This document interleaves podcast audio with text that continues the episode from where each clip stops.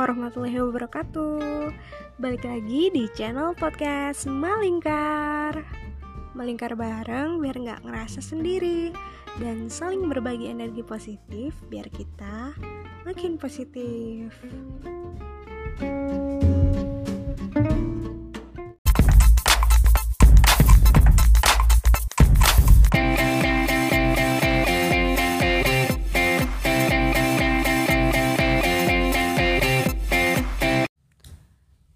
semuanya.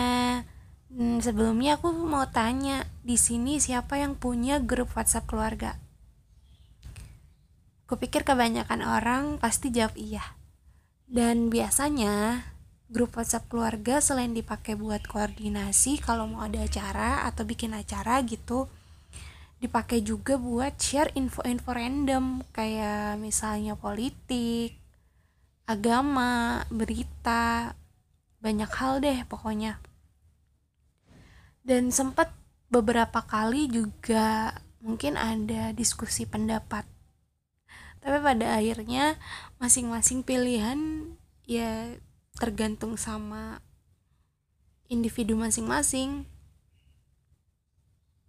Tiap grup WhatsApp keluarga itu pasti beda-beda tergantung circle keluarganya masing-masing ada yang cuma isinya member dari keluarga kecil aja.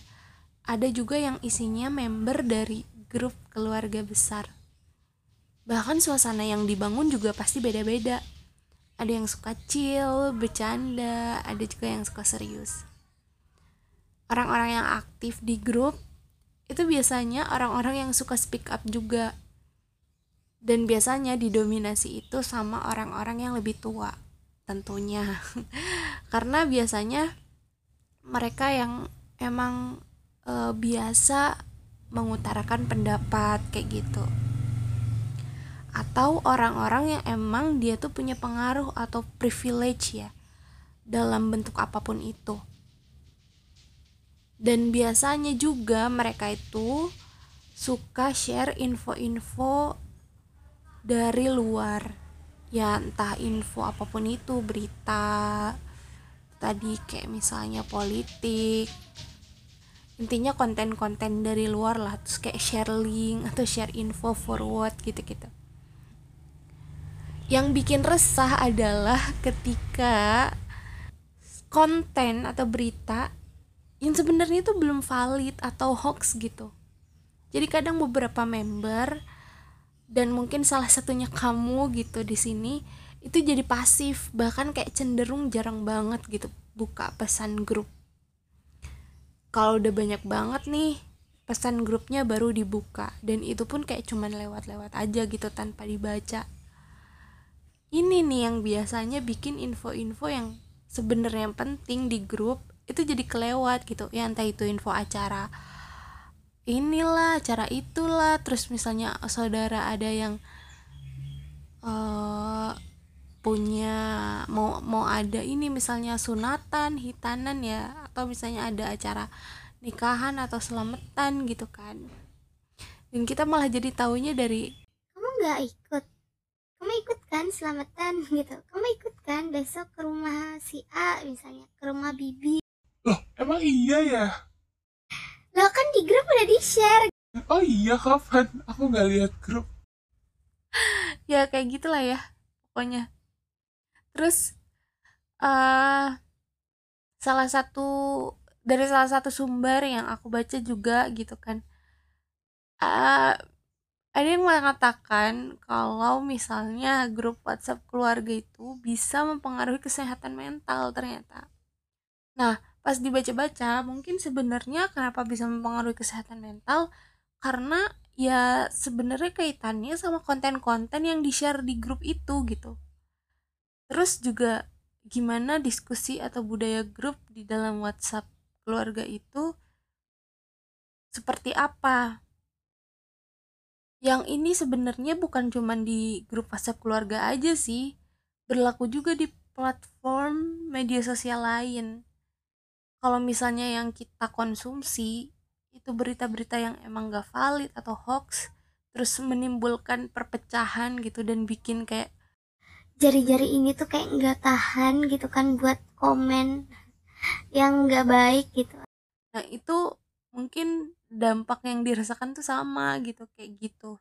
Jadi sebenarnya tergantung konten atau isinya gitu.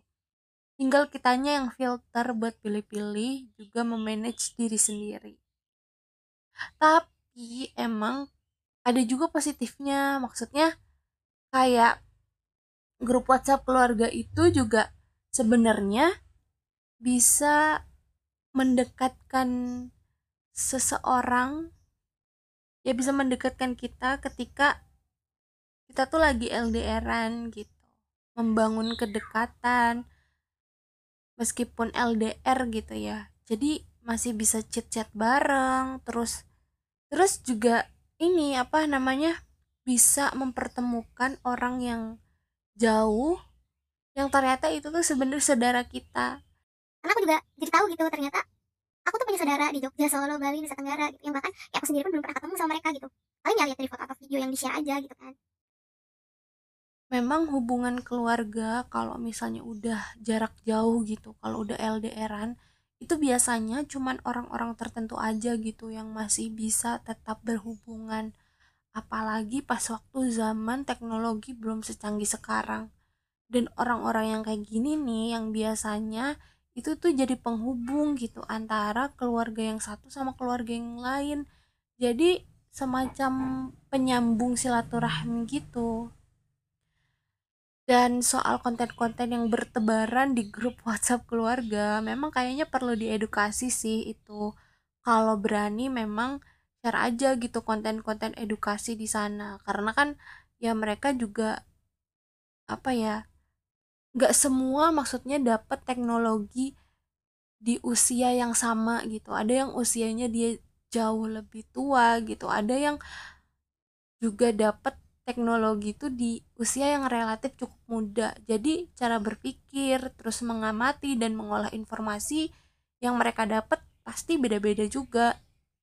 Cara manfaatin fitur-fitur teknologi pun juga beda-beda. Kan biasanya orang yang lebih muda tuh cepet gitu kan, cepet bisa uh, belajar ini itu gitu lewat apa teknologi smartphone atau yang lain kayak misalnya tablet atau laptop itu cepet banget gitu belajarnya bisa bisa manfaatin berbagai fitur itu dengan kayaknya dengan maksimal gitu ya maksudnya dipakainya gitu. Beda sama orang-orang yang mungkin dapat teknologi di usia yang relatif cukup sudah tua gitu ya. Dan ranah informasi atau uh, apa namanya, hal-hal atau konten-konten yang sering dibuka itu juga pasti beda-beda gitu. Jadi ya makanya kita harus bisa memahami gitu.